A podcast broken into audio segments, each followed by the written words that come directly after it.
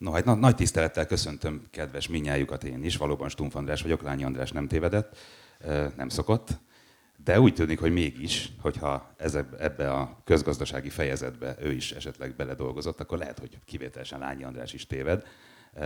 Azért mondom ezt, mert már hallották, hogy az a különleges helyzet van, amikor az opponens, a fő opponens, aki ízekre szedte ezt a vitairatot, nem, tudott, nem tud jelen lenni, így aztán kénytelen leszek valamelyest én betölteni az Orbán Krisztiáni szerepet, tehát előre bocsátom, hogy nem mindig a saját véleményemet fogom mondani, hanem általában abból a kútfőből fogok meríteni, amelyet Orbán Krisztiánnak hívnak egyébként. De még mielőtt oponálni próbálnánk, többen is valószínűleg, de én is ezt a vitairatot, arra kérem a szerzőket, a Karácsony Gábor kör tagjait, András, magyarul visszaadom a szót, és Péternek is, hogy vázoljátok röviden, hogy mi a lényege a más, másként gazdálkodásnak a ti látásmódotok szerint. Parancsoljatok. Szerencsére ebből a feladatból tulajdonképpen nem készültem, úgyhogy nagyon rövid leszek. A egyébként nincs főoponás, meg mellékoponás, Orbán Krisztián annyiban, gyere Balázs, gyere, ez itt a színpad, itt a helyed. Megjött ő is. De Orbán Krisztián annyiban főoponás, hogy ő írásban vállalta, hogy leírja a véleményét, és így szerencsére nem kell ezt teljesen nélkülöznünk, mert mindannyian olvastuk, úgyhogy te csak moderálj nyugodtan, Andris, és, és azért egy kicsit képviseld a Krisztiánt. Én pedig tulajdonképpen csak azt a három, majd elmondjátok, és akkor úgyis a vita arról fog szólni, amit ti fontosnak tartotok. Szerintem az a három alapvető tézis, amit nehezen adnánk föl, az a következő.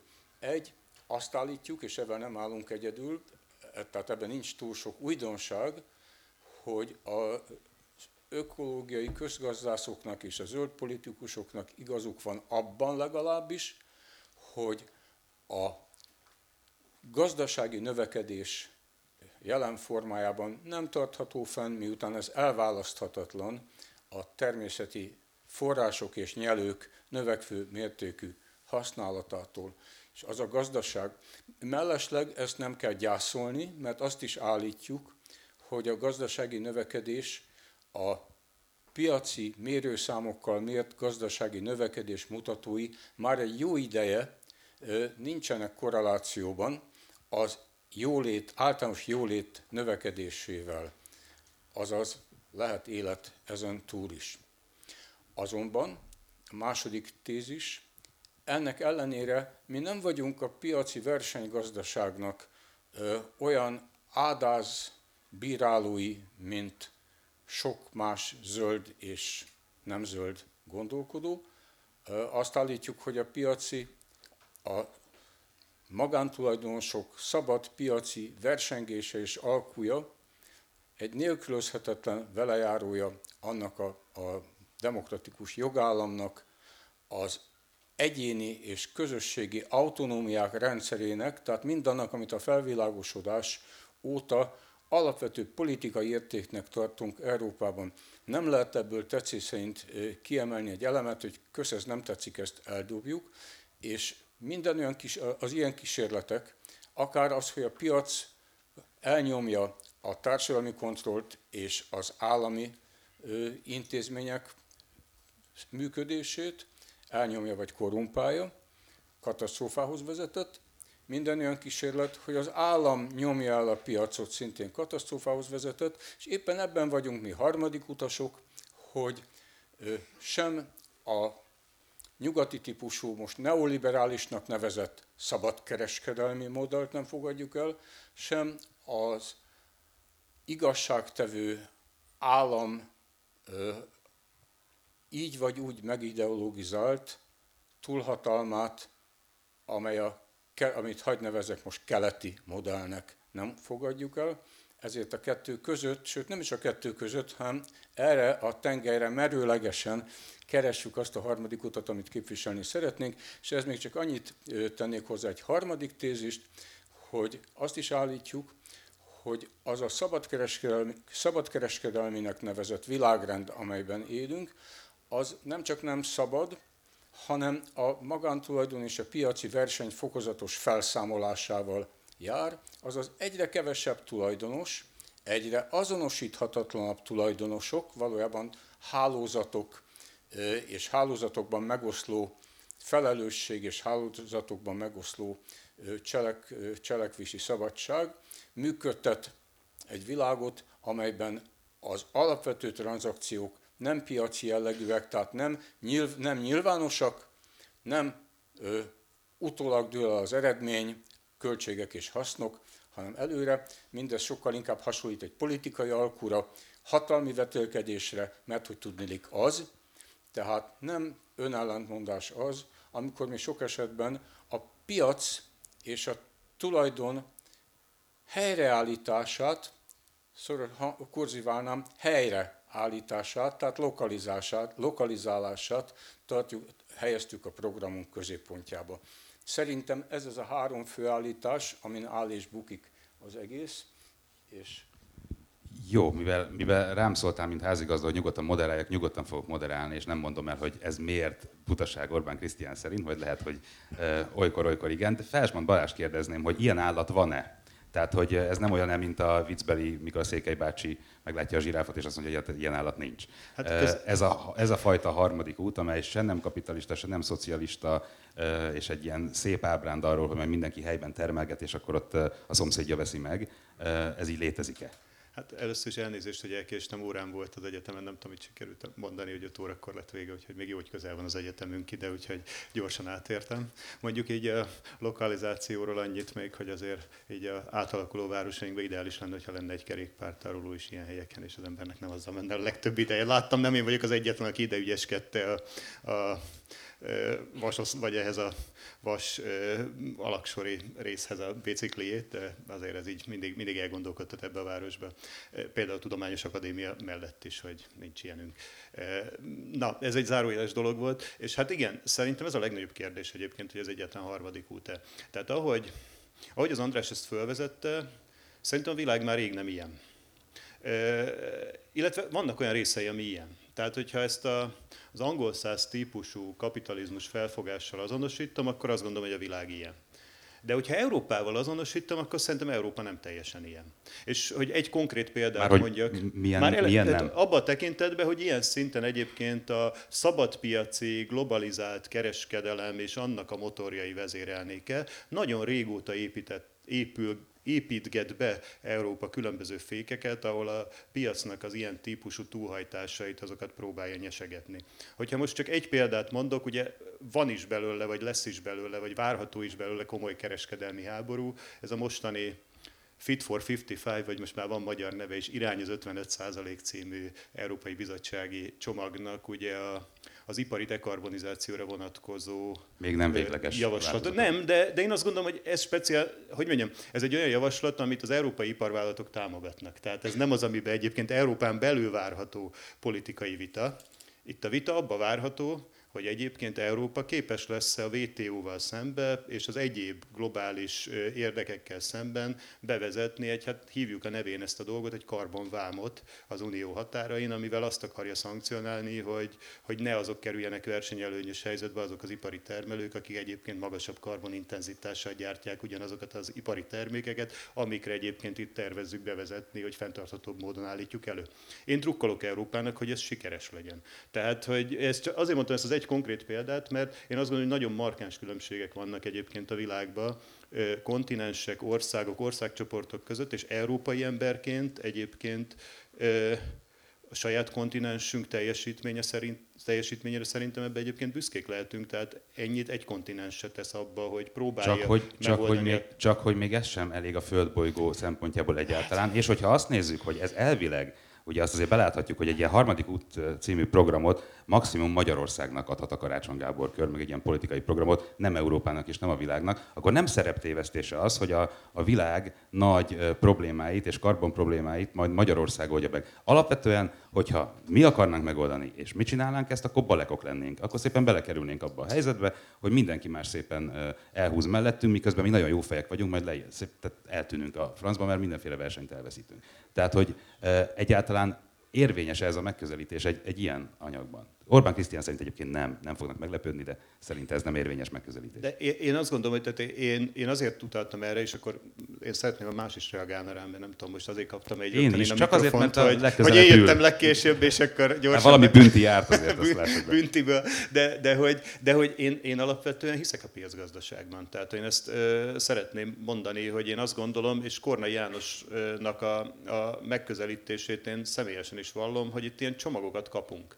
Tehát van egy ilyen kapitalizmusnak nevezett csomag, aminek egyébként megvannak a hibái, és egyébként megvan az az intézményrendszer, ami arra hivatott, hogy a hibákat azokat próbálja ö, kezelni. Nem mondom, hogy orvosolni, szándékosan nem mondtam ezt a szót, mert nem lesznek mind megoldhatóak ezek a hibák, de azért kezdtem ezzel az európai példával, mert én azt gondolom, hogy az a fajta jóléti kapitalizmus, ami Európát jellemzi, és itt nagyon sok mindent a munkajogtól kezdve rengeteg példát lehetne mondani a legkülönbözőbb területéről a gazdaságnak, amiben egész máshogy néz ki, hogy egy amerikai és egy európai kapitalizmus modell. Azt gondolom, hogy ezek pont azok, ami az intézményrendszer felelőssége és feladata, illúzióink ne legyenek. Tehát Kornainak a 2013-ban közgazdasági szemlében megjelent cikke, ami azt hiszem innovációs teljesítmény és a kapitalizmus, vagy a, és társadalmi rendszerek összehasonlítása, lehet, hogy nem jól idézem a címét, öt pontot ír le, hogy, hogy mik az alapvető különbségek ebbe, és azt mondja, hogy hát igen, az, hogy sok innováció a kapitalizmusban, annak az is része, hogy a kapitalizmusnak az az üzenete, hogy ott a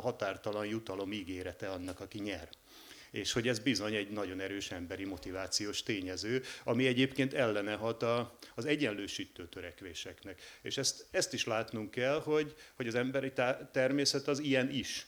Hogy ennek mennyire lehet határt szabni, az meg azt gondolom, tehát ez egyébként a feladata szerintem azoknak a, a intézményeknek, és kifejezetten nem a vállalatoknak, mert azokat azért hozták létre, hogy fogyasztó igényeket elégítsenek ki profit elérése mellett. Én legalábbis így tanultam vállalatgazdaság tankönyvben, ez volt a definíció, eh, hogy, hogy nem az ő dolguk. Tehát eh, viszont megvannak azok az intézmények, akiknek ez a dolga, hogy ezen őrködjenek, és a túlhajtásokat nyesegessék. Köszönöm szépen. Szépen haladjunk sorba szerintem. Éber Márkot kérdezem arról, hogy, eh, hogy az, ez a vitaanyag félreismeri az embert ilyenek, ilyenek vagyunk-e. Ez egy elég, elég erős kritikai pont ezzel az anyaggal szemben, hogy nagyon okos értelmiségiek, akik felvilágosultak és tudják, hogy mi, mi, mit kellene szeretniük az embereknek, mire kellene vágyniuk és mire nem kellene vágyniuk, azt most így jól megmondják, hogy akkor szép lenne a világ, és nem törődnek azzal, hogy az emberek valójában mire vágynak. Hogy igen, a szórakoztató elektronika bizony szórakoztató. Igen, szeretnének autót vásárolni, bizony, bizony azzal szeretnének közlekedni. Más kérdés, más kérdés hogy nincs is mással. Tehát, hogy vannak emberi vágyak, igények, amelyekről a, az ökopolitikusok nem nagyon hajlandók tudomást venni, legalábbis azok, akik ezt elkészítették, ezt a vitairatot. Így van, vagy nem így van? Köszönöm szépen a meghívást. Én szociológus vagyok, és valóban innen fogok beszélni. Itt most utaltál, ismét utaltál Orbán Krisztián... Végig ezt fogom tenni. Vita iratás, csak a, tehát hogy tudjuk, csak hogy világos legyen, hogy a közönségünknek is, hogy ez Orbán Krisztiánnak egy felvetése. Tehát tulajdonképpen, hogy a szerzők figyelmen kívül hagyták azt, hogy az emberek mit akarnak.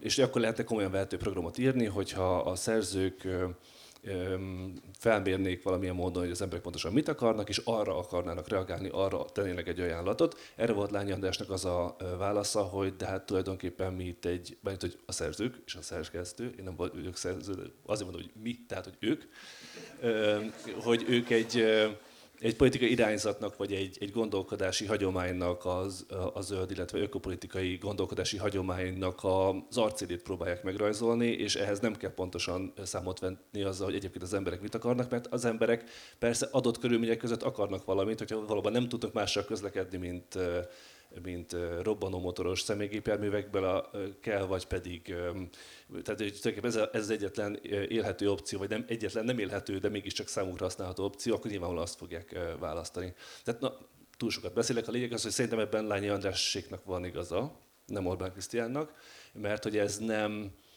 ez a, ez a szöveg, ez nem azért készült el, hogy nem az alapján készült el, mint mondjuk más politikai szövegek vagy programok először jól megszondázzák a közvéleményt, és azt akarják kielégíteni, hanem először, először egy... Magyarán Orbán Krisztiánnak van igaza, csak nagyon helyes, hogy Lányi Andrácsék így jártak el, nem helytelen. Tehát abban nincs igaza, hogy ezt nem szabad csinálni, mert szabad. Mert hogy nem, nem, valóban nem arra figyel, ezt te is azt állítod, Így hogy van, nem, nem- arra arra figyel, figyel. hogy, hogy, hogy mit szeretnének Nem- az emberek, mit nem szeretnének az emberek, hanem arra, hogy milyennek kéne lenni a világnak, a szép lenne és tökéletes. Igen, itt szerintem azt, tehát egy, egy műfai félreértés van szerintem. Tehát Orbán Krisztián valami mást várt ettől, és, és nem azt kapta, és ezért ezt, ezt megfogalmazik, millió egy kritika és millió egy vita ebből származik, hogy vannak valamilyen elvárásaink, nem azt kapjuk, elvárom a vízilótól, hogy zsiráf legyen, és aztán nem az is számon kérem rajta, holott ő, ő, ő nem ebben a versenyben utazott. Én szerintem eleve az, hogy ezt megírták a szerzők és a szerkesztők, és hogy erről vita van, nyilvános vita van, és olyanok is beszélhetnek erről, mint Orbán Krisztián, meg mint én, még akik egyébként nem feltétlenül értünk ezzel az egészre együtt, ezzel önmagában célt nyert. Szóval hogy elértük a célt, vagy szerintem nagyon-nagyon fontos dolog, pláne egy ilyen nyilvánosságban, ami nem a mai magyar nyilvánosság, tehát ez szerintem önmagában óriási dolog, és nagyon, a magam részéről is nagyon hálás vagyok a szerzőknek és a szerkesztőnek, hogy mindezt elő vezették, megírták. Ha távolról nézem, ködben, kicsit hunyorítva, akkor mindennel egyetértek. Ha közelebb érek, akkor meg ezer ponton nem értek egyet. De most ezt Most nem... elég csak egy. Most elég csak egy, mielőtt átadjuk a szót majd Jó, akkor csak az, egy, az elsőt mondom, úgy kezdődik a szöveg, hogy nem a, tehát a valóban a fejezet első mondata az, hogy az ideális polgári társadalomban engem itt vesztettek el. Erre még kitérünk akkor. Igen, ezt gondoltam, és nem, nem- akarok ebbe bele részleteiben belevenni, de Engem hogy itt nyertek meg, és csak egy kicsit később vesztettek el, tehát ez, ez ilyen. Te, Akkor én kérek egy kávét. úgyhogy Alexandernek adnám a szót, tehát, hogy ez van-e ilyen állat továbbra is az a kérdés? Van ez a harmadik út, ez lé- létezhet-e? Én is nagyon köszönöm a meghívást, örülök, hogy itt lehetek. És az az igazság, hogy valószínűleg én leszek az, vagy most arra már kiderült számomra, hogy én leszek az, aki, aki a másik oldalról fog kritizálni. Tehát a legtöbb közgazdász azt mondaná, hogy ez, ez, ez radikális és őrült nagy hülyeség, és így nem lehet semmit se csinálni, pláne nem gazdaságot. Én meg azt fogom mondani, hogy nekem meg ez nem elég radikális, um, mert hogy, mert hogy az, amit, amit én képviselek, és nagyon érdekes, hogy, hogy Lányi András azzal kezdte, hogy, hogy a növekedés meghaladása az, ami ebben a cél, de hogy um, én elolvastam ma, mert hogy mi erről annyit beszélgettünk már, és elolvastam újra, meg újra, meg újra, sőt, elővettem, és rákerestem arra a szóra, hogy növekedés, mert kerestem, hogy hol írjátok ezt le. Hol írjátok le, hogy a, a gazdasági növekedést, mint szent tehenet le kell vágni, hogyha zöldek akarunk lenni. Benne és van. hát um, Én is elolvastam párszor, lehet, hogy az meg egy korábbi változat volt, mert a véglegesbe bekerült. Igen, Sajnos. hát, Sajnos bekerült, ez nagy, nagy hiba, de benne, benne van. És, és igen, nekem, nekem nem eléggé, mondom, én, én kerestem újra meg újra, hogy, hogy megvan-e úgy fogalmazva, hogy én így keresem benne, mert hogy ugye mindenki a saját monomanóját keresi benne, és, um, és egy kicsit visszakanyarodva ehhez a, ehhez a milyen állathoz, én azt gondolom, hogy, hogy valóban olyan állat még nincs, amilyet én keresek, de hogy érdemes róla beszélni, mert hogy, hogy akkor, hogyha nincsenek alternatív narratíváink, nincsenek alternatív elképzeléseink, adott esetben tőlem aztán nyugodtan hívhatjuk utópiáknak is, akkor egyszerűen ö, ugyanazokba a körökben mozgunk újra, meg újra, meg újra, és ugyanazokat a terminológiákat használjuk. És ha lehet még egy kritikám az anyaggal kapcsolatban, az az, hogy nagyon ritkán láttam valóban új terminológiát, tehát valami, valami új fogalmat, ami, ami, ami megjelenik. És, um, és, és ahhoz, hogy, a, hogy a, a, az emberről, vagy hogy mit akar az ember, ugye er- ebbe, erre is szeretnék visszamenni, uh, Ugye az, az ember, és, és ez, a, ez a vitairat is e, igazából erről szól, hogy a, az ember jólétet akar. És én ezzel vitatkoznék, szerintem az ember jól létet akar. És a welfare és a well-being között nagyon nagy a különbség. Tudom, hogy magyarul ez csak egyel, de hogy nagyon-nagyon ideje lenne jól létről beszélgetni, mert hogy azt a típusú fogyasztási szerkezetváltást, amit szeretnénk azáltal elérni, hogy tiszteletbe tartjuk a, a, az ökológiai korlátokat, az csak és kizárólag akkor lehet, ha már az emberek arra rájönnek, hogy ők nem jól létet, hanem jól létet akarnak. Egyébként, aki olvasta, ez a gondolat ez erőteljesen szerepel az anyagban, tehát hogy nem lehet a GDP adatok alapján meghatározni azt, hogy valami sikeres vagy nem sikeres, hanem kifejezetten az embereknek a jól léte, szellemi, mindenféle igényeiknek a kielégítését kellene valahogy mérni, nem szó szerint így szerepel az anyagban. Tehát ez a gondolat, ez ott hangsúlyos. Ami viszont még szeretnék felvetni, mielőtt még megvédik a Karácsony Gábor körtagjai a, az, a vitairatukat, így az első körben, mert még négyet tervezek, az az, hogy én nekem, az az, hogy Orbán Krisztiának is van egy válasza, bár ezt nem írja le így, de valóban úgy tűnik, mintha ennek az állatnak azért lenne neve. Ez az állat az összvér. Összvér.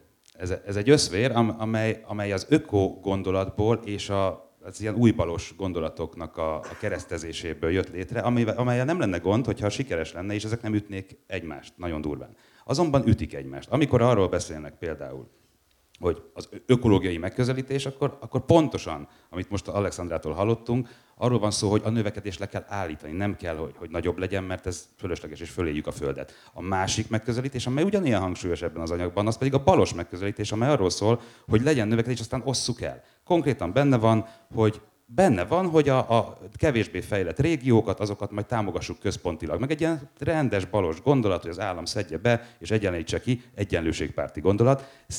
Amellett viszont az, hogy ne legyen növekedés. Magyarán nem lesz pénz, miből osztogatni, mert senkinek nem lesz pénze. Ez az egyik e, nagy probléma vele. A másik a lokalitás, és az, hogy kicsi vállalatok legyenek. Ha kicsi vállalatok vannak, akkor ugyan, mégis e, mi lesz a motiváció, hogyan tudnak aztán növekedni, abból hogyan tud, lehet lesz fejlődés, amiből vissza lehet osztani a kevésbé fejletteknek, hogyha nem szabad nagyobbat lenni. Mi lesz a motiváció egy olyan gazdaságban, ahol, ahol neked kicsinek kell maradnod, és nincs lehetőséged a növekedésre, nincs lehetőséged arra, hogy felhalmozzál, nincs lehetőséged, hogy félretegyél, hogy aztán újra befektessél, mert nincs hova, hiszen megmondták az okos ökopolitikusok, hogy neked helyben kell maradni, azt a faluba termelj haver, hogyha sikeres vagy, ügyes vagy és jól csinálod, akkor se adhatsz el a következő faluba, mert akkor már az ökoló, a földbolygó tönkre megy. Így viszont hogyan, hogyan lesz ez mégis kapitalizmus? Tehát azért kérdeztem, hogy van-e ilyen állat, hát ez összvér végül is működik, de szaporodni nem tud, és látjuk, hogy ez se nagyon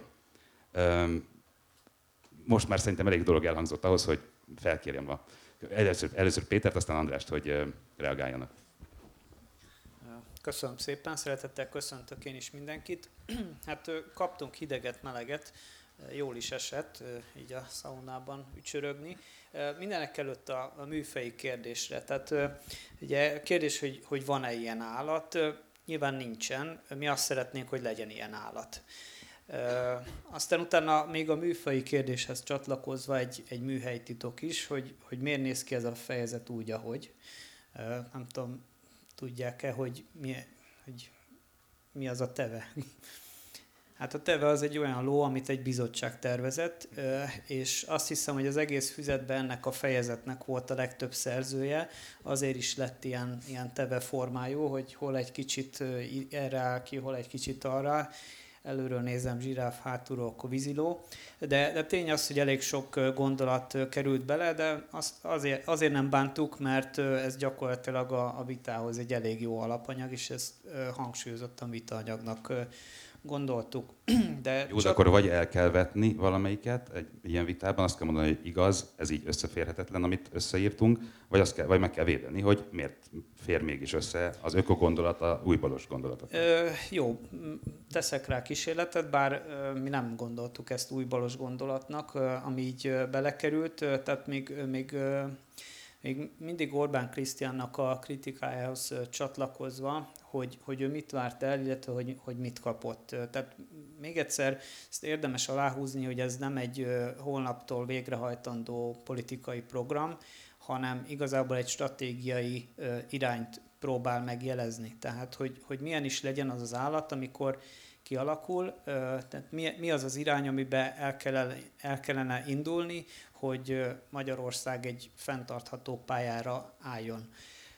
Nyilvánvalóan egy fenntartható ország, egy fenntarthatatlan világban nem elképzelhető, de igazság szerint arról is szól ez a történet, meg amit leírunk, nem csak az első fejezet, hanem a többi, hogy hol, hol keressük a, a barátainkat, hogy, hogy Európában, vagy a közép-ázsiai autokráciák között, vagy éppen Bolsonarónak az erdőpolitikáját kövessük, nagyon nem mindegy. Tehát én egyetértek Felsman Balázsnak azzal a véleményével, hogy még mindig Európában szeretnék a leginkább lakni az egész világon, mert ö, ö, még akkor is, hogyha sokszor szemforgató és, és kétszínű az a ö, politika, amit globális szinten, meg lokálisan is Európa folytat. Nyilván ott is ezernyi érdek van jelen, de mégis ökológiai, meg hogy is mondjam, tehát társadalmi szempontból talán itt találjuk a leginkább progresszív nézeteket. Tehát nagyon nem mindegy, hogy, hogy milyen irányba fordítjuk a, hajónak az orrát, és valóban, tehát még egyszer a, a műfajra visszatérve, tehát hogy itt, itt nem abszolút kijelentéseket teszünk, hanem irányokat jelzünk, és az, hogy, hogy mikor érünk el egy-egy célt, az, az ugye idő kérdése is. És az, hogy, hogy ez az állat legyen, ahhoz kell, hogy, hogy egy kicsit a, a hogy mondjam, a vad elé lőjünk egyel, tehát nem arról van szó, hogy, hogy mi azt, azt gondolnánk, hogy, hogy értelmes lenne megmondani az embereknek, hogy, hogy milyenek legyenek, meg hogy mit akarjanak, meg milyen igényeik legyenek, de érdemes ezeket a gondolatokat bevinni a köztudatba, mert Magyarország ilyen téren, azt gondolom, tehát ilyen közgondolkodás szintjén ö, hát ö, nélkülözi ezeket a, ezeket a friss gondolatokat. Nem ö, látom azt sem véletlennek, hogy, hogy Magyarország, hát ilyen nemzetközi összehasonlítások szerint is, vagy a magyar mentalitás kifejezetten anyagias, tehát hogy, a, hogy az anyagi jólétben, az anyagi gyarapodásban ö, látja az emberek többsége a biztonság fokozásának az eszközét. Ez, ez a történelmi a, a rossz történelmi tapasztalatainkból is adódik, amelyek, tehát, amelyek során megtanulhattuk, hogy a, hogy a közösségi együttműködés helyett inkább az egy, egyéni ügyeskedés az ami, az, ami sikerre vezet, illetve hát az ember inkább a saját kisköreiben próbál meg gyarapodni, ahelyett, hogy közösségi szinten egy, egy értelmesebb, nagyobb léptékű változást elérjen. De mégis úgy, én úgy látom legalábbis, hogy a, hogy a következő évtizedeket ezzel a stratégiával nem fogjuk túlélni. Tehát elképzelhető egy olyan, olyan út is, ami, ami még markánsabb központosítás felé vezet. Ö, ö, hát igen, tehát hogy, hogy Miért ne élnénk túl, azért erre még, még kérem. Tessék? Miért ne élnénk túl a következő éveket? Mármint, hogy globálisan, vagy Magyarország nem éli túl, vagy az konkrétan mire vonatkozott? Hát, Azért, mert tehát az, a, az az ökológiai katasztrófa, aminek a küszöbén állunk, illetve hát tulajdonképpen már a dereken csak még, még nem annyira érezzük, az ezt a rendszert ezt el fogja mosni. Most az a kérdés, hogy, hogy, a, hogy a, igazából egy olyan irányba indulunk el, ami, ami ebben a... Itt már megint világszintről van szó, tehát hogy az egész világnak kell valamerre elindulnia, ugye? Akkor most András a szó. Oké, okay, átadom. Nagyon-nagyon vitatkozik, na, és akkor mindig jó. Jó, Olyan még, jó még egy gondolat, Parancs. csak már ezt szintén fölírtam magamnak, tehát ugye itt szó esett arról, hogy ugye a kapitalizmusban azért magas az innovációs szint, mert hogy ugye az innovátorokat a végtelen jutalom kecsegteti. Azt gondolom, hogy azt kellene átértékelnünk, hogy ezt a jutalmat miben mérjük. Mert hogyha anyagi gyarapodásban, akkor nyilvánvalóan annak az anyagi növekedés az útja, hogyha másban mérjük, tehát nem mondjuk nem GDP-ben, hanem boldogságban, akkor, akkor másfajta jutalmakat fogunk hajtani, és ez, és ez egy másfajta berendezkedéshez vezet. Igen, én még rövid távon, akkor itt kezdem, én még rövid távon is az előnyeit látom, pont a magyar nemzetgazdaságnak, pont a magyar KKV-knak egy ilyen zöldítésnek, mert olyan a természeti adottságainkra jobban építő, tudás és munkaintenzív ágazatok azok, amelyeket a célok és eszközök alfejezetben felsorolunk, 11, 11-et vagy 12-t, tehát egész konkrétumokig próbáljuk levinni, és majd ott kell vitatni, hogy igaz vagy nem igaz az, hogy mi kisebb növe, mi a magyar vállalkozók számának a szaporítását, és a vállalkozásaiknak akár a gyarapodását, növekedését reméljük attól, hogy a hogy csökkenne Magyar, ebben a stratégiában csökkenne Magyarország kiszolgáltatottsága a világgazdaságnak. Ezek a világpiaci kapcsolatok, ezek nem minden esetben előnyösek számunkra, lehettek volna sokkal előnyösebbek. Balázs tette oda legjobban, hogyha a 90-es években nem úgy privatizálunk, nem úgy vonunk be tőkét, akkor persze jobban jöttünk volna ki belőle. De miután azóta politikai változásoktól függetlenül következetesen haladunk a számunkra legkevésbé előnyös úton, tehát ehhez képest rövid távon is van mit keresnie a magyar KKV-knak, tehát a magyar vállalkozónak és a magyar gazdaságnak ettől a egyáltalán nem újbalos és hát persze nem egy mainstream kapitalista megoldástól, hanem bizony ez nem összvér, hanem amiről egy Arisztotelész nevű összvértenyésztő beszélt, arról, hogy létezik egy olyan helyes mérték a szélsőségek között, ami sok esetben a leginkább célra vezető.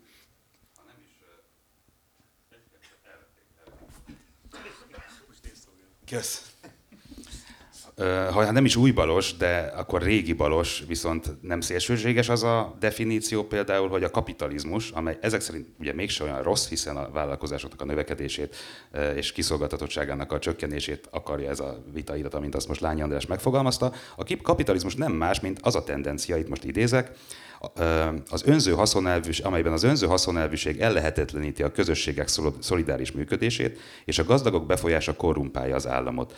Ezáltal keretei között a politikai elittel összefonódó pénzar, pénzarisztokrácia jut uralomra. Ez a definíciója nálatok a kapitalizmusnak. Marxnál mondjuk nem. De hogy alapvetően, hogyha a kapitalizmus a baj, akkor az mégiscsak jelent valamit, tehát akkor ott tényleg a magántulajdont nem kell szeretni, a gyáripart nem kell szeretni, meg a piacot nem kell szeretni. Ha viszont ezekkel nincsen önmagában baj, akkor valójában nem a kapitalizmussal van bajotok, már pedig ide azt írtátok. Tehát, hogy miért?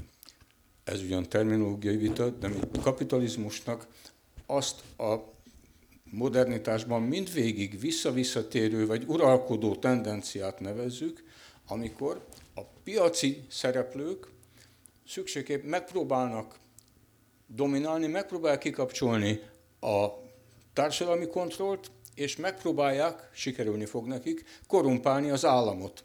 És így ennek, hogy mondjam, az államhatalomnak és a piaci szereplőknek az összefonódása az, ami ma már egy nemzetek feletti szinten kialakította azt a mai helyzetet, amelyben, hogy világos legyen, tehát számunkra nem a tőkés a, a, a, a bűnbak, vagy az ellenfél, hanem az a hatalomkoncentráció, amely akár politikai dominanciával, akár az üzleti szereplők dominanciájával kialakult a modernitásban. A helyi társadalmak, a civil társadalom mindenképpen kiszolgáltatott ezeknek a személytelen és számára átláthatatlan erőknek, és ezért nevezzük mi az ökológiai politikát egy ilyen a civil társadalom emancipációs küzdelmének. Ez egy kicsit más, mint a baloldalnak a kizsákmányolás és a kapitalizmus elleni harca, mert mi egyszerre küzdünk, tőlünk szocialista is lehet, meg nemzeti szocialista is lehet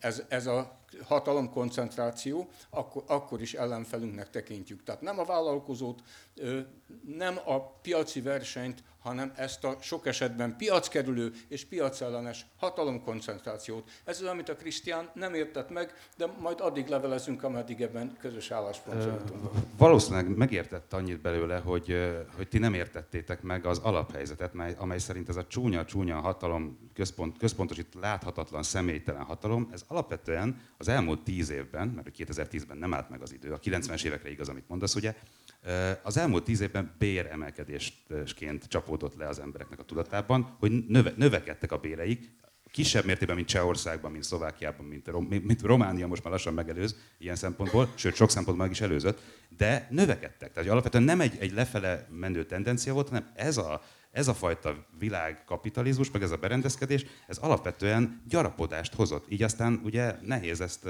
valami nagyon szörny, szörnyű rossznak beállítani. De Balázs, Balázs, bocsánat, megyünk is sorba, mert Balázs, Balázs már szót, szót kért ne, volna. Igazából nem tudom, mert annyi mindenre lehetne ilyenkor rögtön így reagálni. És, de, de hát amit most mondasz, tehát, hogy én, én azt gondolom, hogy az, amiről beszélünk, hogy hogy a kapitalizmus ciklikus, ezt nagyon régen leírták. Tehát, hogy ez egy ciklikus rendszer.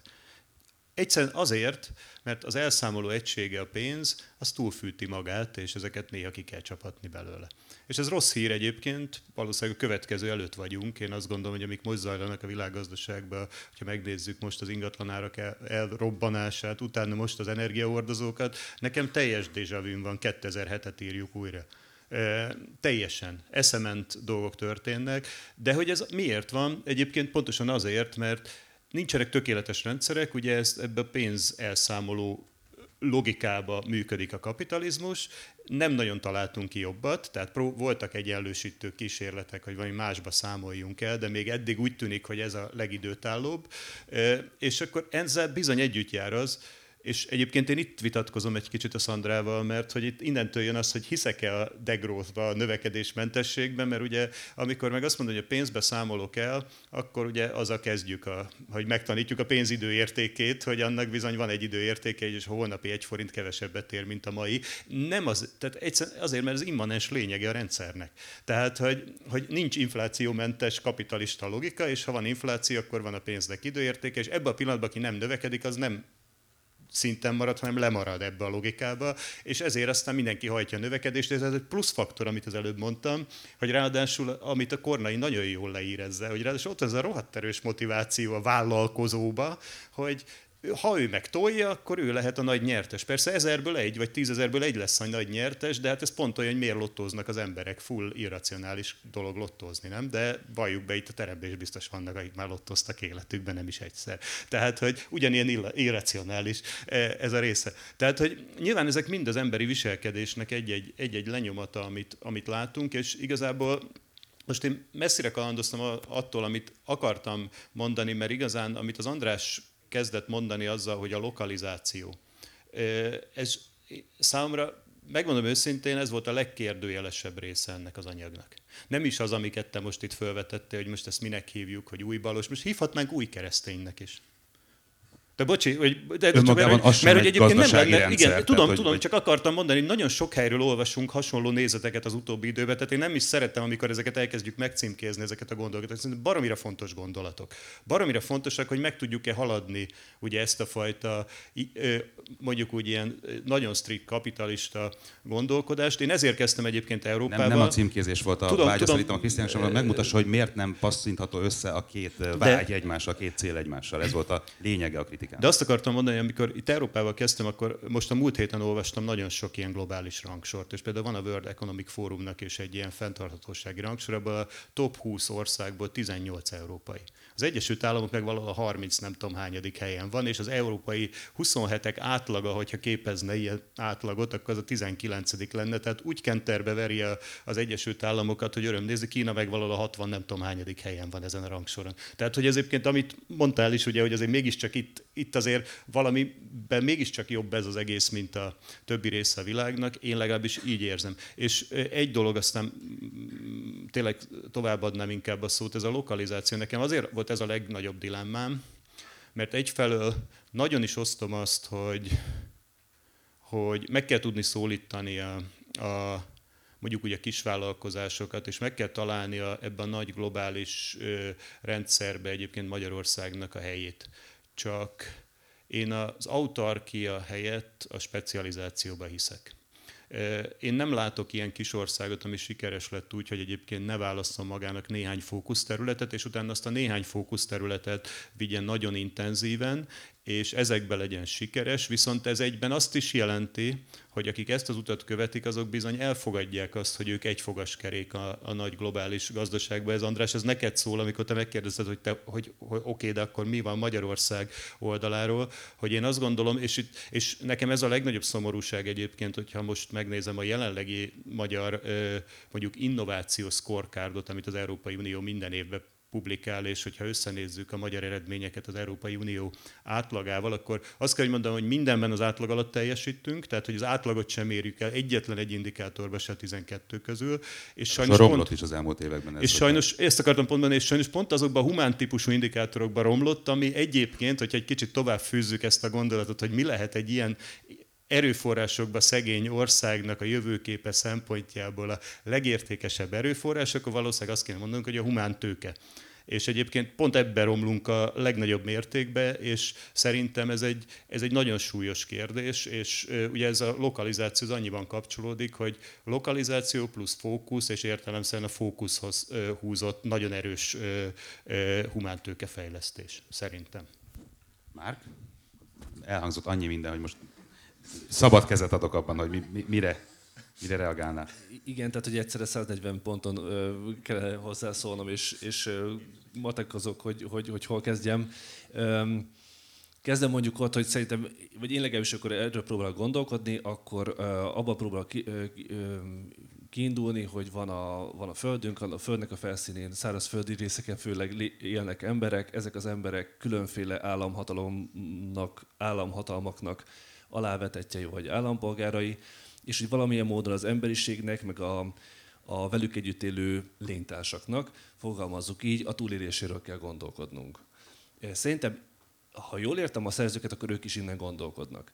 Innentől kezdve számomra Orbán Krisztiánnak az a felvetése, hogy Magyarország legyen a fókusz, azt hiszem, hogy kifejezetten érthető, értem, hogy ezt akarja, meg hogy, meg hogy mi itt a mi kormányunkkal, vagy a mi politikai agenciánkkal itt tudunk valamit tenni, de szerintem ez pont ez egy, ez egy nagyon jó kezdeményezés, hogy gondolkodjunk úgy, nem is innen a civilizációt mondani, azt mondani, az emberiség jövőjéről, és próbáljunk el gondolkodni, mert nem csak mi itt gond, nem csak Budapesten gondolkodnak az emberek, hanem Kalkuttában is, és millió egy pontján a, a föld felszínén emberek gondolkodnak arra, hogy mi a francot lehet csinálni, és akkor tud ez az egész gondolkodás összeérni, hogyha nem mindannyian a kis 93 ezer négyzetkilométeres kis nemzetállami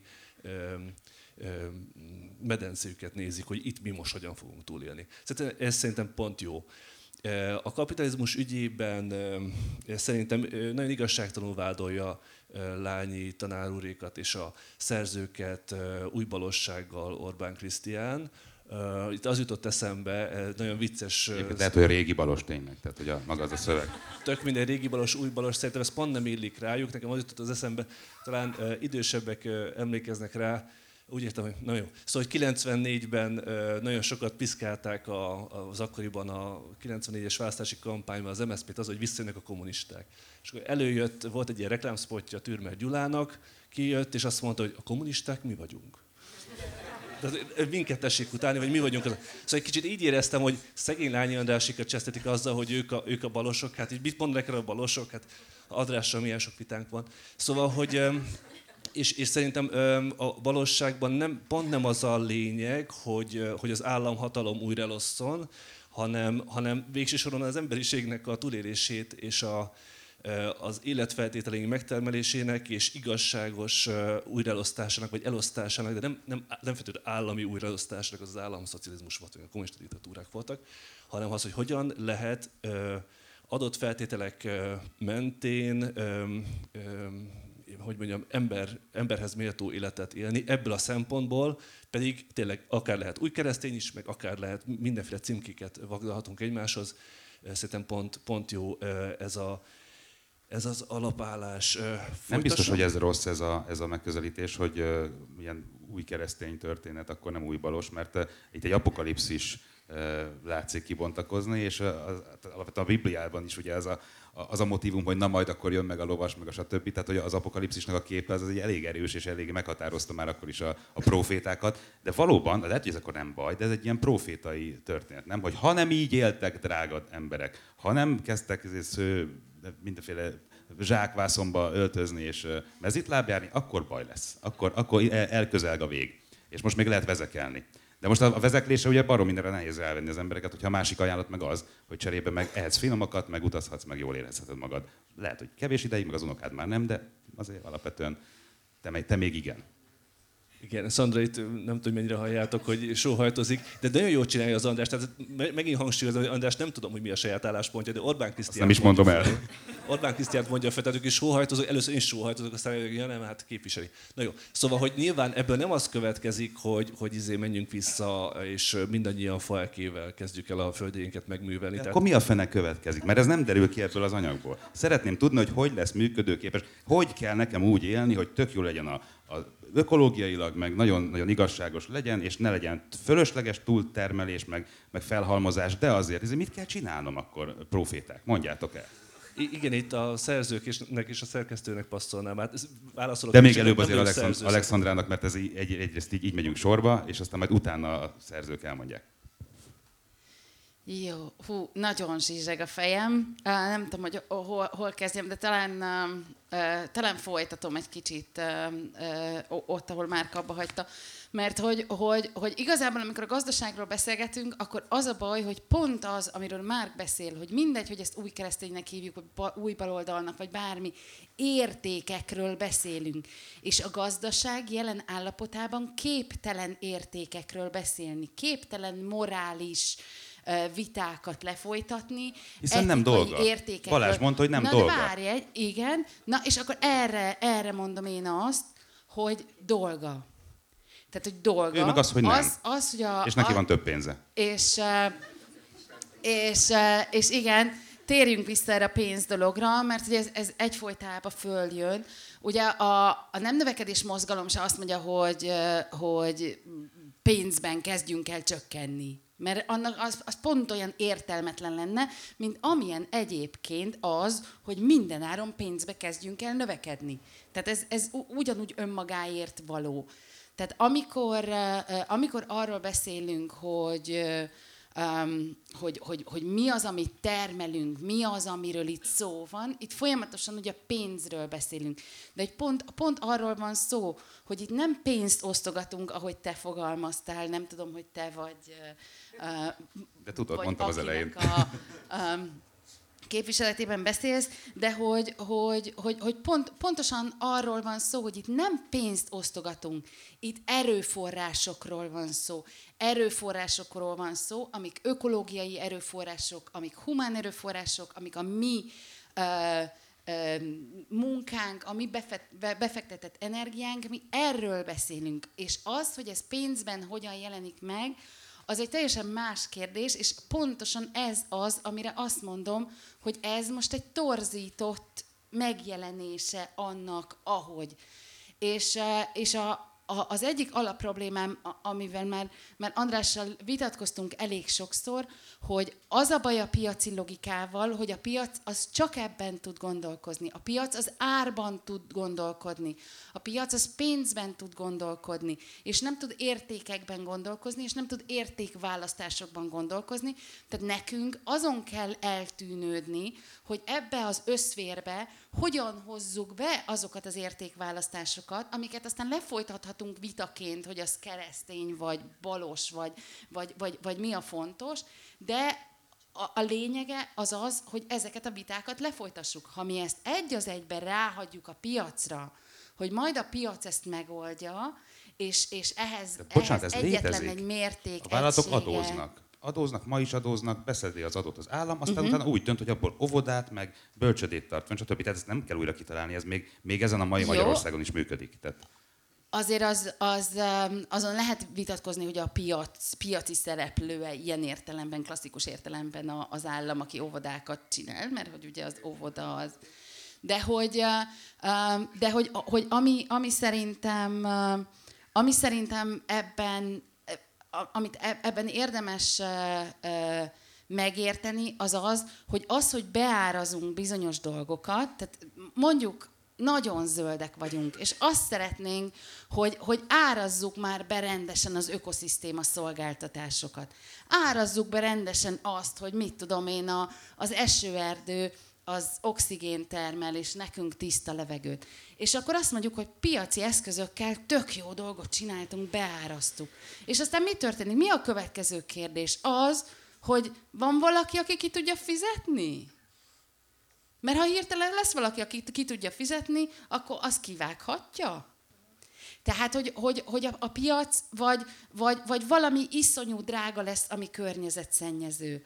Ha ugyanaz az alapján, a logikán alapján megyünk, hogy nagyon drága, és akkor a, a nagyon gazdag emberek ö, ö, majd, majd azt fogják mutatni, hogy hát tök jó, hát én ezt is meg tudom csinálni, mert én vagyok annyira gazdag, hogy ezt kifizessem.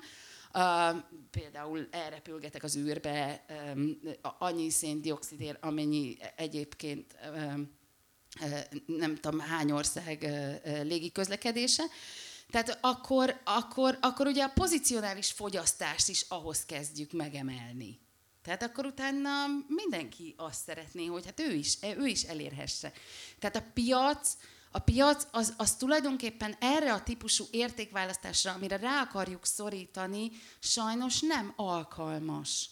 Tehát valahogy, Hát valahogy nem. meg Törvényekkel, kell... nem? Tehát, hogy ezt be lehet tiltani. Azt De mondta, akkor- hogy már pedig nincsen Oké, magánűrutazás, De pont. akkor nem a piacról beszélünk a törvényeknél. Persze, hogy ne. Csak azt mondom, hogy ez nem egy új rendszer, egy harmadik utas dolog, ilyenek ma is vannak, törvénynek hívják őket. Hoznak egy törvényt, hogy innentől kezdve ez tilos, onnantól kezdve az tilos. Igen, tehát amit én kívánok. mondok, az az, Akkor hogy, mit, hogy, mit tiltsunk hogy be? egy csomó, hogy egy, hogy egy csomó, pontosan, hogy egy csomó dolgot egyébként állampolgárként meg kell meghoznunk döntést, és nem fogyasztóként. De amikor ugye a piacról beszélünk, és állandóan a, a, a piac van a középpontban, akkor azt várjuk meg, hogy ezeket a döntéseket fogyasztóként hozzuk meg. És nagyon jól mondod, ezeket a döntéseket nem tudjuk fogyasztóként meghozni, ezeket a döntéseket állampolgáriként kellene meghoznunk. És még van egy millió ötletem, hogy mi, miről kellene beszélgetni, de Mondjuk most a, sokat a, a, magy- a magyar űrrepülést betiltani, azzal mondjuk senki nem jár, hogy nagyon rosszul, ugye? Tehát, hogy az... Péter, elhangzott itt rengeteg. Igen, nem fogok mindenre reagálni, nem, nem kell félni, csak néhány dologra. Például a, a specializáció kérdése, az megint egy olyan dolog, ami, ami én egy jó iránynak gondolok, csak kérdés, hogy merre specializálódunk. Ugye most arra specializálódtunk, hogy nagy autógyáraknak vagyunk az összeszerelő üzemei, illetve beszállítói, tehát hogy a, a növekedés nagy része onnan jön, illetve ehhez kapcsolódó tevékenységekből. Ami ugye azzal is összekapcsolódik, amit szintén említettetek, hogy, hogy ugye az in- innováció gyakorlatilag egy ilyen környezetben alacsony szintű, hiszen nem, nem innovációból élünk, hanem mondjuk összeszerelésből. Most nyilván csak nagyon leegyszerűsítettem a, a dolgokat, de, de mondjuk mi akadályozza meg azt, hogy Magyarország mondjuk nagy hatalom legyen ökogazdálkodásban, vagy Magyarország vezető pozíciót foglaljon el az egyfőre jutó energiafogyasztás csökkentésében, vagy a humán- humántőke fejlesztésében, vagy, vagy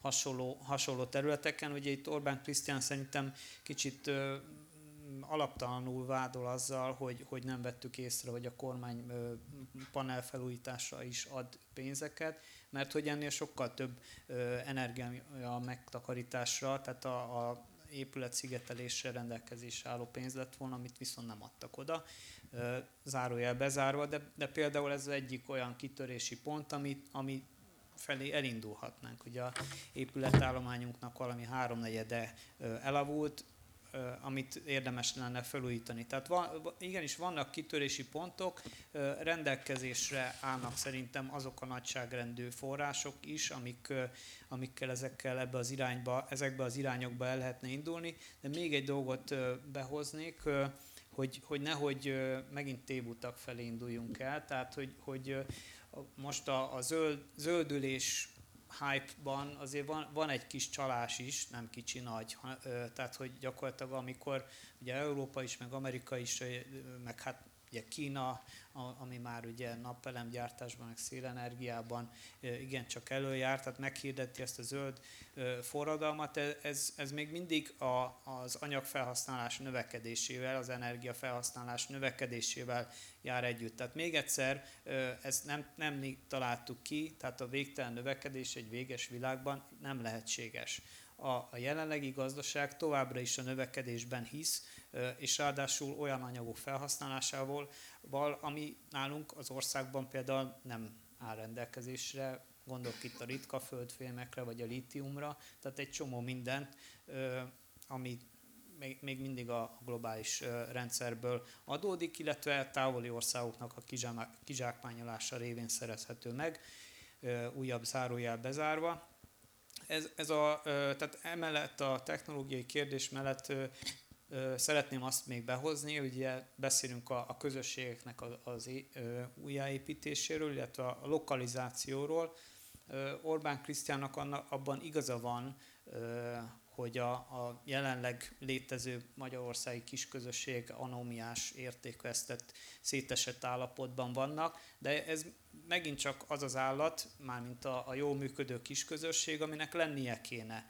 Tehát az De elmúlt... nincs. Hát nincsen. De És meg mégis erre építenétek a légvárat.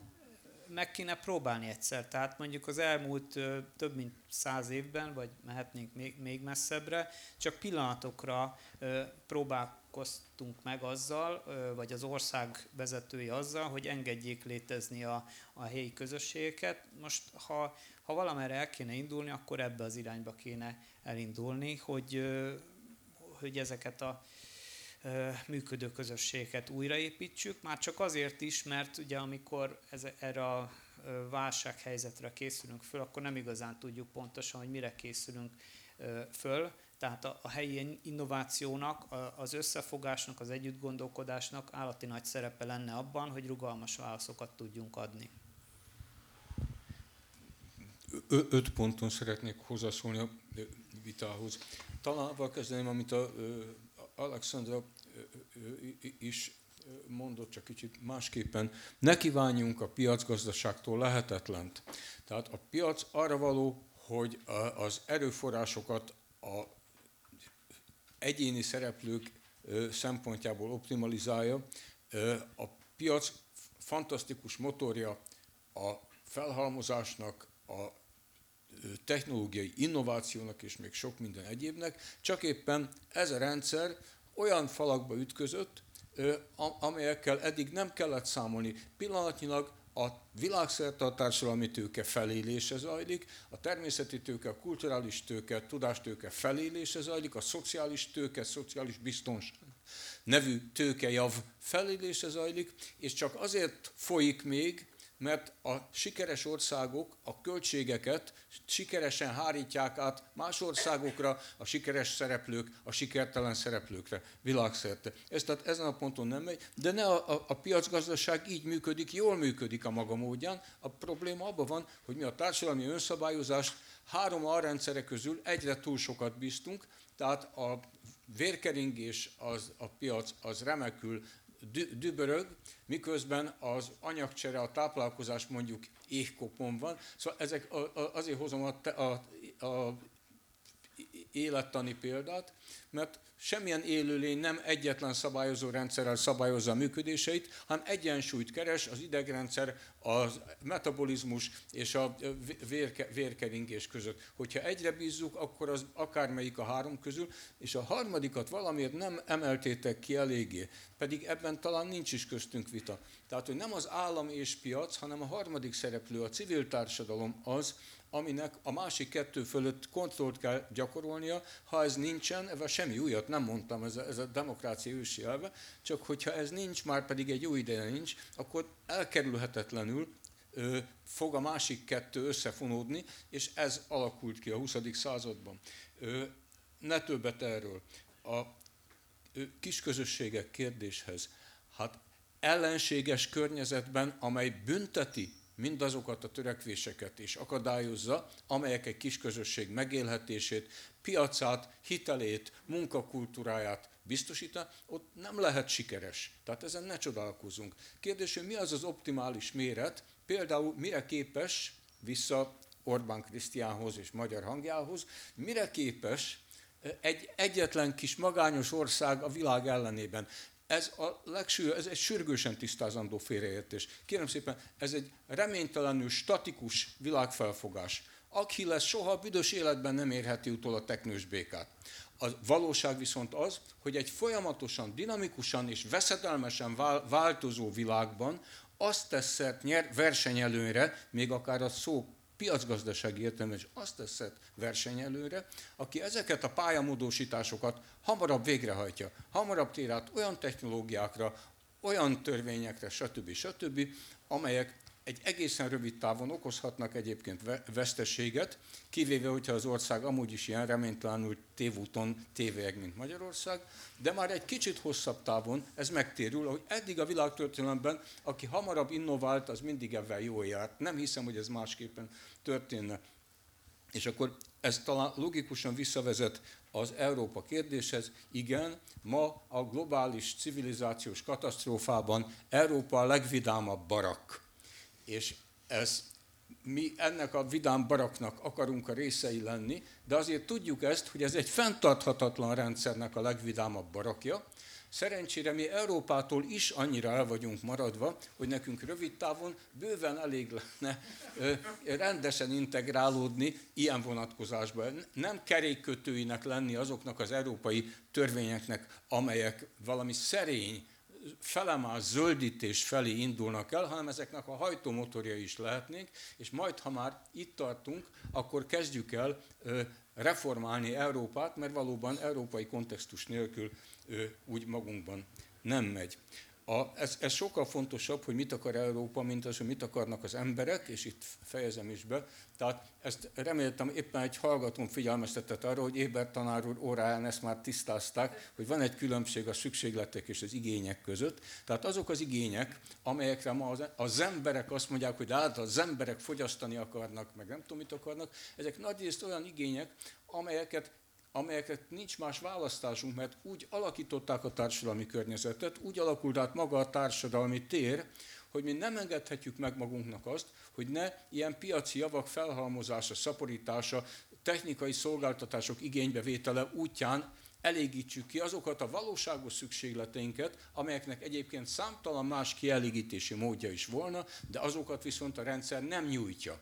Ezért kocsiba ülünk és számítógépet használunk, és, és elektromos berendezésekkel hűtünk, fűtünk, takarítunk és minden egyéb. De ennek, ezek, ezek nem emberi szükségletek, ez az a mód, ahogyan a mai rendszer engedi az emberi szükségleteket kielégíteni, ezek tehát, hogy úgy mondjam, a rendszer szükségletei, nem az embereké. Mielőtt egy újabb kört megkezdünk, azért erre hadd reagáljak magyar hangként.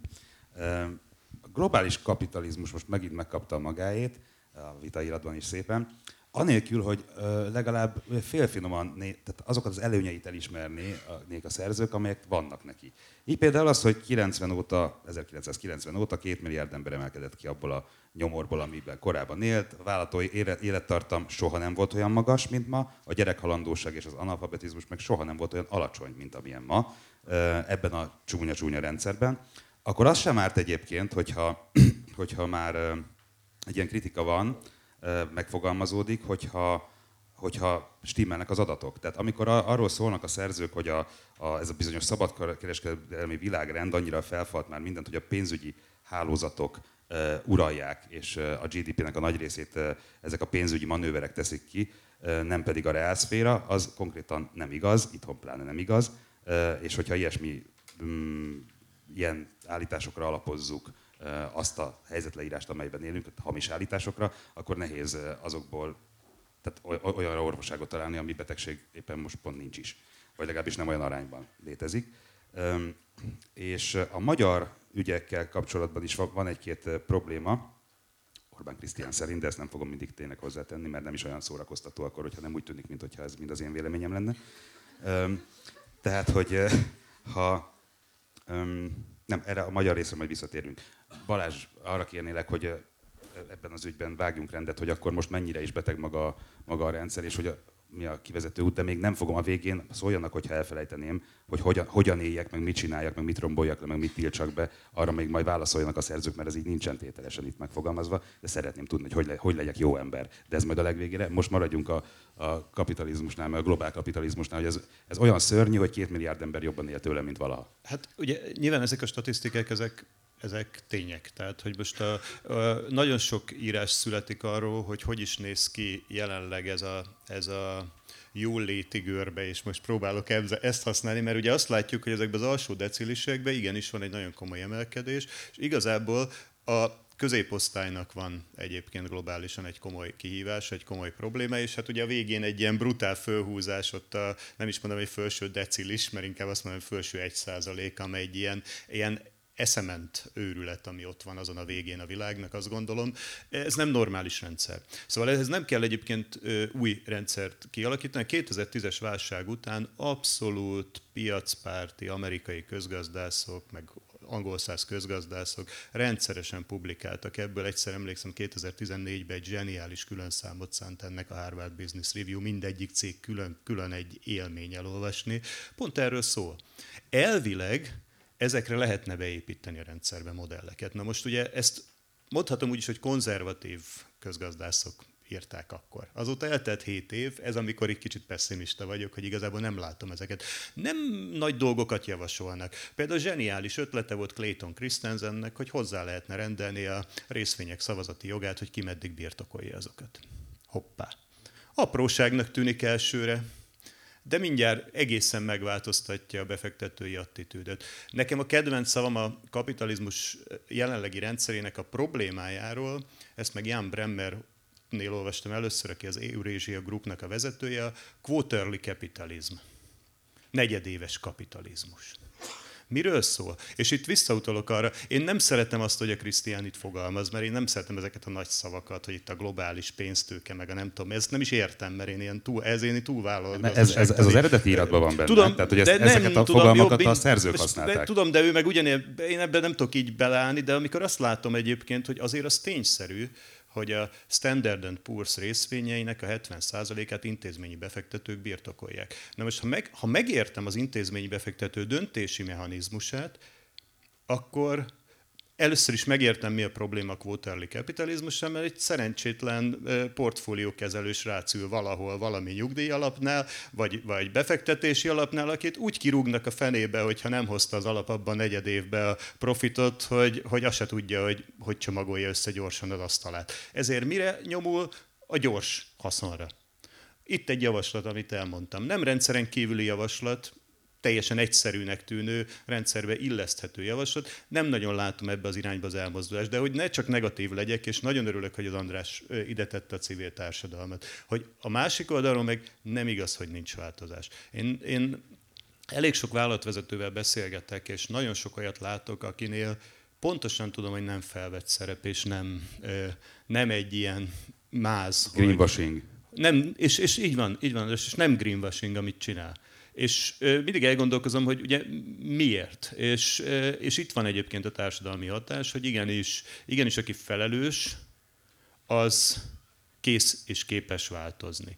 Hogy ez a változás ez belülről jön-e, vagy rákényszeríték, ugye Szandra utaltál arra, hogy hát van, amikor ilyen, nem csak mot, tehát ugye motiváció elméletikben is van, aki azt mondja, hogy csak a pozitív a motiváció, a, ugye van, aki meg azt mondja, hát negatív eszközökkel is lehet ösztönözni.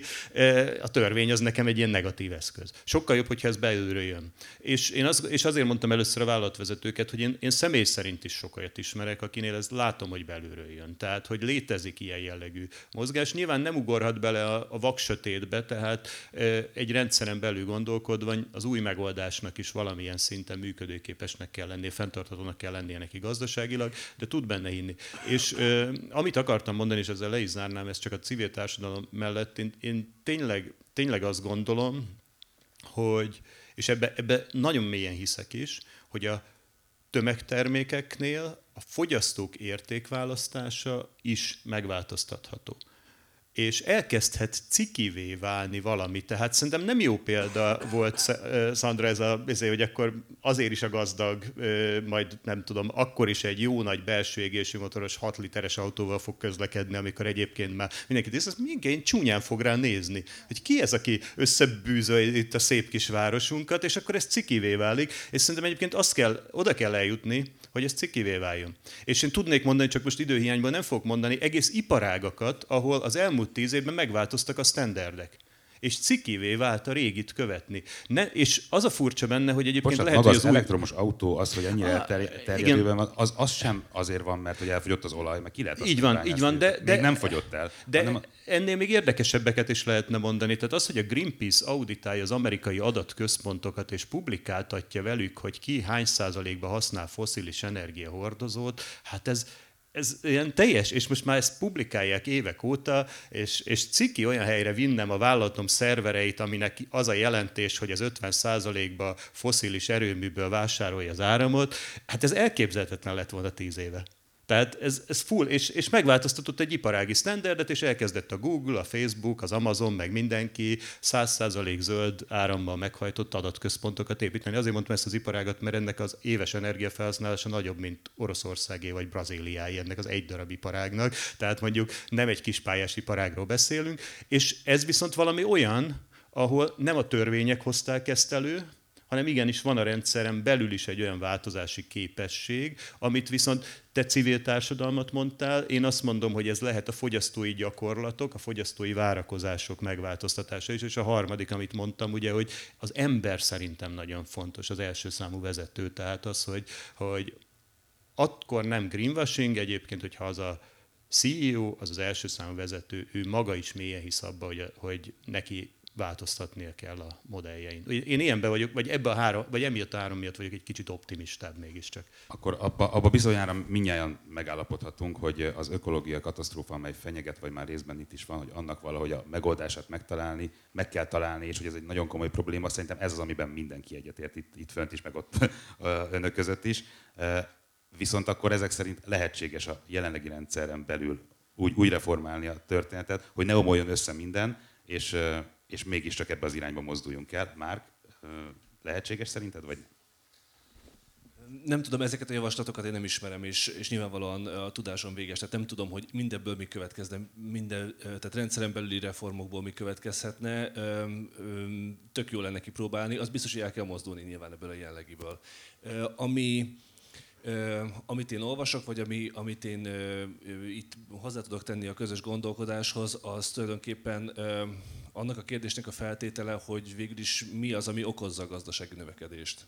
Tehát, hogyha így megpróbáljuk visszabontani, akkor mert az nyilvánvaló, hogy, a, hogy a, a, ez a fajta gazdasági növekedés, ami mind gyorsabb ütemben éli fel a közös javainkat, tehát a, a természeti erőforrásokat, társadalmi erőforrásokat és ezeket mindezeket a tőkéket, amiket lányadás felsorolt, és irgalmatlan mértékben termeli, vagy hogy mondjam, dolgozza föl, dolgozza át, használja el, dobja valahogyan egy lineáris folyamat végén valamilyen módon hulladékként vagy szemétként ki, vagy használja el, használja el konkrétabban. Szóval ez, ez nem fenntartható.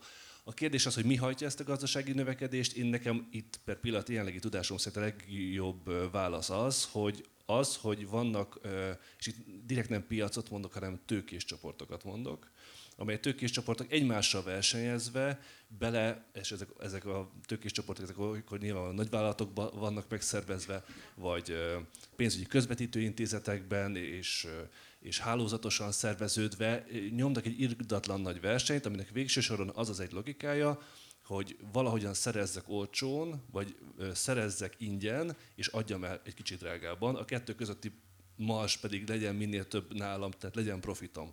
Tehát profitnak a, a a minél nagyobb profitnak a megszerzése és kinyerés a rendszerből, hogy monitorizálni tudjam, hogy az, itt van az a lóvé, és aztán azt megint be tudom fektetni, és ezzel a tőkémet felhalmozom. Hogyha ez a motor a kapitalizmusnak a logikája, és hogyha ez a motor nem, mert ez nem a 19. században indult el, és nem is az 1970-es években, ez nem a globalizációval kezdődött, hanem ez valamikor a 15-16. században indult el. Ha ezt a motort nem kezdjük el nagyon vagy csak szabályozni és reformokkal, hogy úgy mondjam, kordába tartani, vagy ezt a logikát nem próbáljuk meg kivenni a rendszerből, akkor az, az biztos, hogy, hogy az emberiségnek is, meg a számos lénytársának nagyon súlyos pusztulásával és, és szenvedésével jár együtt az én jellegi tudásom szerint ezt a motort kell kivenni. Tehát én a kapitalizmus ellenese vagyok, én antikapitalista vagyok, és abban a hagyományban gondolkozom, ami szerint a, gazdasági növekedést önmagában, hogy mondjam, a gazdasági növekedés az egy produktum, az egy termék, amit csinálja a motor, az a tőke felhalmozásnak a, a globális történeti folyamata, és én és simán lehet, hogy még kell olvasnom, hogy lássam a rendszeren belüli megoldásokat. Én nem, nem tudom elképzelni a kapitalizmussal együtt az emberiség szenvedésmentes túlélését. Szerintem Alexander nem tudom, mennyire fog vitatkozni, valószínűleg nem. Márka? Ö, hát én nem szoktam magamat antikapitalistának hívni, mert rohadtul nem érdekel, hogy hogy fogják hívni azt a rendszert, ami egy új rendszer lesz, és mit fognak a történelem tudósok 150 év múlva mondani arra, ami reményeim szerint kialakulhat. Csak mondj, mondd már el, meg már aztán majd vedd vissza gyorsan a szót egy picit, hogy az hogy néz ki? Tehát ezt azért kb. ismerik, bemegyünk a boltba, ott van a boltos, adunk neki pénzt, ad érte kenyeret, aztán tényleg abból van valami, aztán rájön, hogy hogyan lehetne jobban sütni a kenyeret, meg többet eladni, gondolkodik rajta. Ezt a rendszert, hogy kb. ismerjük. Ismertük a szocialista rendszert is, még én is emlékszem rá azért, arra, hogy hogy kellett várni arra, hogy legyenek például abban a boltban például kenyér, mondjuk az már, az már volt azért a 80-as években, de hogy egy csomó banán például nem. Tehát, hogy, és, és akkor is vágytak az emberek a banánra, a fene vigye mert tudták, hogy létezik az a, az a gyümölcs, és valamiért szerettek volna, és rohantak, amikor, amikor éppen volt. Tehát, hogy nem működött jól az a szocialista rendszer, azért ezt kimondhatjuk, bár lehet, hogy már ezzel vitatkozna. Tehát, hogy hogy, hogy, hogy, hogy, hogy vagy véd meg a szocializmust, igen, aztán utána meg mondjátok el, mindketten mondjátok el, legyetek kedvesek, hogy hogy néz ki az a rendszer ehelyett, ami most van, amit ti szeretnétek. Okay. Legalább ezt. Igen, tehát félek, hogy hekkeljük ezzel a, az egészet. Csak annyit mondanék, hogy nem vagy, tehát az államszocializmust, az, a, hogy mondjam, tehát az, az antikapitalizmus, a kapitalista rendszer logikájának és működésének kritikájából nem következik Rákosi Mátyás, a Gulág és Kádár Meg sem említettem a gulágot. Jó, jó, én a, a, most... az, az áruhiányt említettem meg, ami viszont az antikapitalizmusból simán következik. Az, az, az államszocializmus és a, a szocializmus, ami nem árutermelésen és például ilyen rövid ellátási lánccal működik, abból az nem az államszocializmus. Tehát nincs válasz, Alexander? De van válasz, bocs, ne, ne kered le az, hogy nincs válasz, mert hogy ez egy, ez egy irgalmatlan nagy félreértés különösen ebben a régióban, hogy a szocializmust az államszocializmusnak vagy kommunista diktatúraként értjük félre. Ez egy gyári hibás változata volt, egy félperifériás, elég elcseszett, ha szabad így fogalmazni, szocializmus változat volt. Én nem arról beszélek, meg ez egész hagyomány. Marx sem arról beszélt. Meghalt 1883-ban, és 40 évvel később csináltak egy tök más. Jó, nem hekkelem, visszadom Szandrának, mert ez tényleg más, ez egy tök más vita. Jó, jó. Jó, én sem ebbe mennék bele, de de visszamennék az első kérdésedhez, ez a milyen, hú, de szuper a kapitalizmus, hogy, hogy ezt is megszüntette meg, azt is megszüntette meg, meg, meg, meg milyen tök jó. Hát ez szuper, tényleg, és képzeljük el, hogy mi lenne, hogyha tényleg igazságos rendszerbe csinálnánk ezt. Ugyanennyi erőforrással, ugyanennyi aggyal, ugyanilyen tudással. Tehát, hogy, hogy, hogy ha ebben a rendszerben ezt ki tudtuk hozni belőle, akkor, akkor itt, itt miért adjuk fel? Miért tesszük fel a kezünket, és mondjuk azt, hogy ja, hát ez a legjobb. Hát én szerintem, ha már innovációról beszélünk, ha már mindenki azt mondja, hogy, hogy egyre jobbnak kell lenni ebbe, meg ebbe, meg ebbe, akkor miért nem próbálunk jobbak lenni ebben is? Tehát, hogy, hogy, hogy, hogy, hogy, hogy, hogy fel lehetne um, azért ezt túlpozni. Én azt gondolom, igen, ja, azt hittem. uh, Én, én azt gondolom, hogy, hogy fú, annyi mindenről nem beszéltünk még, de tehát egészen biztos az, hogy akkor, hogyha teljesen más értékek szerint, és itt visszautalnék arra, amit a Balázs mondott, hogy, hogyha ha nem az lesz a, a pozicionális fogyasztásnak a mértéke, hogy mekkora az autód, és el tudsz menni űrturistáskodni, akkor, akkor valóban, akkor, akkor tök jó, hogy van ilyen pozicionális fogyasztás, mert akkor ezt jó irányba ö, ö, de, vittük. Viszont ez egy, ez egy nagyon jelentős értékváltozással jár együtt. Tehát ez csak akkor történik meg, hogyha másképpen tudunk gondolkozni önmagunkról, a szükségleteinkről, az igényeinkről, a, ö, ö, arról, hogy nekünk morálisan mi fontos és mi nem, és ezt valamiféle, ö, én azt gondolom, hogy egy deliberatív részvételi rendszeren belül állampolgárként is le tudjuk folytatni ezeket a vitákat, és utána azt mondani, tehát úgy avatkozni be először a piacba, aztán, hogyha majd ki lehet küszöbölni a piacot, szerintem az, az, az, az, az nem lesz annyira rossz, hogy ezeket az értékeket igenis belevisszük, belekény, rákényszerítjük azokra, akik, akik ezeket, ezeket előállítják. És, és, és nem lehet, egyszerűen nem lehet, nem lehet az elosztási rendszert megkerülni ebben a történetben, mert, mert pontosan arról van szó, hogy egy korlátos világban korlátos erőforrásokkal próbálunk jól létet teremteni, amiben benne van egy csomó olyan is, ami igen fizikai erőforrásokkal jár. Tehát ha nem beszélünk a, az el, elosztási rendszerről, amiről azért ugye nem nagyon szerettünk a piacgazdaság tekintetében beszélgetni, akkor, um, akkor ezt nem lehet létrehozni. Tehát én azt gondolom, hogy nem tudom, az a vízió, most nem, nem fogom neked öt percbe összefoglalni azt, Kár. amit egyébként a, a Zöld Egyenlőség podcastban most már a nem tudom 120. órában próbálunk meg összefoglalni, de hogy, de hogy azt, azt gondolom, hogy, hogy, hogy mindenképpen egy, egy érték alapon működő, sokkal inkább az állampolgári döntésekre, mint a fogyasztói piaci döntésekre alapuló gazdaság az, amiről, amiről én beszélek. És én majd még szeretnék két, most érzem, hogy András mindenképpen akar mondani valamit, úgyhogy most már nem beszélek többet, de hogy, de hogy van, van, van két olyan dolog, amit én mindenféleképpen szeretnék ebbe a dologba behozni, és az a, az a munka, mert hogy a munka az kőkeményen a gazdasági növekedést pörgeti. Tehát az egyik, a, az, egyik az, amit, amit, amit Márk már említett, a másik az, ahogy a munkára most gondolunk, az a másik, ami pörgeti. És, és a technológia, a technológia fejlődésének mikéntje, amiért, amiről szintén érdemes lenne beszélni, ahogy az anyag is beszél róla, és, és, és szerintem ezt még én visszahoznám.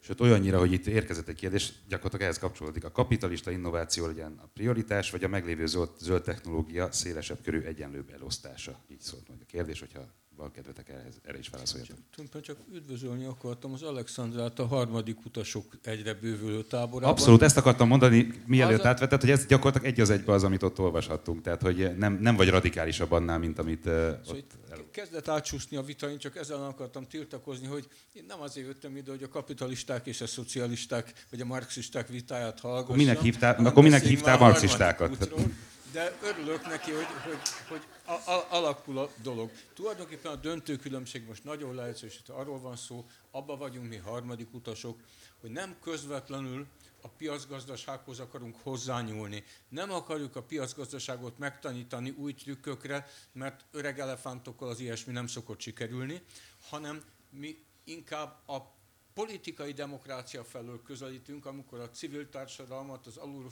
felfele építkezést, a helyi közösségek önrendelkezését hangsúlyozunk, és ezen az úton akarunk a mai korumpált, központosított állami hatalomnál hatékonyabb eszközt találni arra, hogy rákényszerítse az akaratát a piacgazdaságra, ami egyébként úgy jó, ahogy van, már hogy úgyse tud másmilyen lenni. Nem akarjuk eltörölni, látjuk, látni véljük, hogy hogyan lehetne befolyásolni. De bocsáss meg, de ez tényleg nem annyi, hogy egyszerűen egy olyan pártot kell alapítanod, mert alapítottál pártot, tehát ez nem egy ilyen légből kapott gondolat.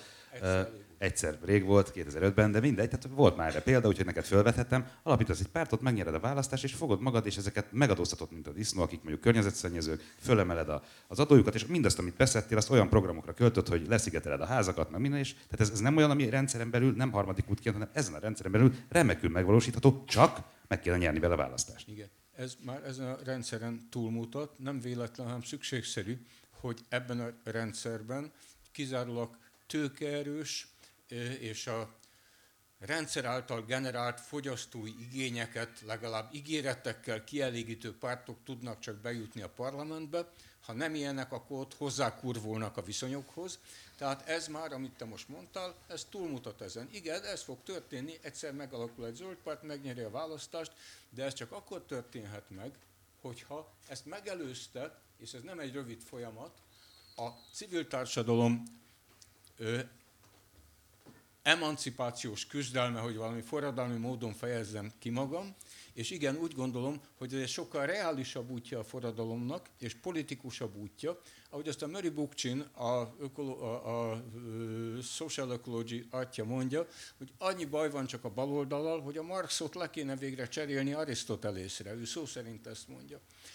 Többet foglalkozni a közösségekkel, politikával és a mögötte álló moralitással, meggyőződéseinkkel és értékválasztásainkkal, és kevesebbet direktben, ha gazdasági eszközökkel, gazdasági rendszeren belül a probléma megoldhatatlan, nem is ott kell megoldani. Na ennyi. Tehát ez, ez, egy, ez egy nagyon is rendszeridegen dolog, ez a harmadik út, nem egy kompromisszum az első és a második között, hanem egy, egy, rendszerid, egy valóban radikális út, ami egy más rendszerben gondolkodik, mint amelyben a szocialisták igazságosabban akarnak elosztani, a kapitalisták meg többet akarnak termelni. És mi egy, ehhez képest egy harmadikat mondtunk. Még engedd meg azért azt, hogy Pétertől kérdezem azt, hogy ez hogy, hogy néz ki a gyakorlatban? Tehát, hogy mitől fog az a közösség, egyszerűen tehát konkrétan lemegy oda Péter vagy András, gyújtóhangú beszédet mond a faluban, megmondja, hogy szerveződjetek közösségé. Hogy kezdődik? Hogy kezdődik? Mert ez, ez egy szép utópia, csak az utópiát is fel szokták vázolni, hogy akkor oké, okay, jó lenne a kis közösség, de hogy építem azt ki? Adok rá rohadt sok támogatást központilag, vagy hogy néz az ki, hogy ki, kialakuljon? Vitákkal kezdődik. Ilyen, ilyen vitákkal kezdődik, azt mondja András, és eh, ez szép végszó is lenne, de még Péternek megengedem, hogy válaszoljon. Eur- Európából uh, hoznék egy példát, engem néhány héttel ezelőtt eléggé sokkolt az az adat, hogy végeztek azt hiszem hat nyugat-európai országra kiterjedően egy fölmérést fiatalok körében, ami azt hozta ki, hogy, hogy a, a megkérdezett fiataloknak a 60%-a a klímaszorongásnak valamilyen ö, tünetével küzd, és akkor ez így, így fölállt a hátamon a szőr, de hát ez egy óriási politikai erő. Tehát, hogy ezek a, ezek a gyerekek csalódtak a felnőttekben, és azt mondják, hogy elcsesztétek nekünk a világot, kéne valamit csinálni. Tehát, hogy ők most egyelőre szoronganak, de elképzelhető az, hogy, hogy ez egy idő után tényleges számonkérésbe és másfajta politikai elvárásokba fog torkolni. Talán még az is lehet, hogy nem egy, nem egy újabb zöld tévutat választunk, hanem valami normálisat. Még egy dologra szerettem volna reagálni, hogyha most már így nálam van a mik- mikrofon, akkor visszaélek vele. Nem kellett volna belemenni ebbe a számháborúba, de ugye, ugye a globális kapitalizmus védelmében elhangzott az, hogy, hogy mennyi embert emelt ki a, a nyomorból, mennyivel kevesebb a, a, az éhező. Ugye jellemző a rendszerre, hogy, hogy ma már több a kövér ember, mint az éhező. Tehát most meg átestünk nyilván a lónak a túlsó oldalára, mint ahogy az szokott lenni. Más problémákkal küzdünk, de nem is erre akartam utalni, tehát hogy, hogy minek az árán ment ez végbe. A WWF-nek van egy élő bolygó indexe, ami rendszeresen bemutatja azt, hogy, hogy, hogy hogy állunk a biodiverzitással, tehát a természeti tőkével, és azt mutatja a legutóbbi 2020-as, hogy a 70-es évek óta 60%-kal csökkent a világszerte mért populációknak az összessége.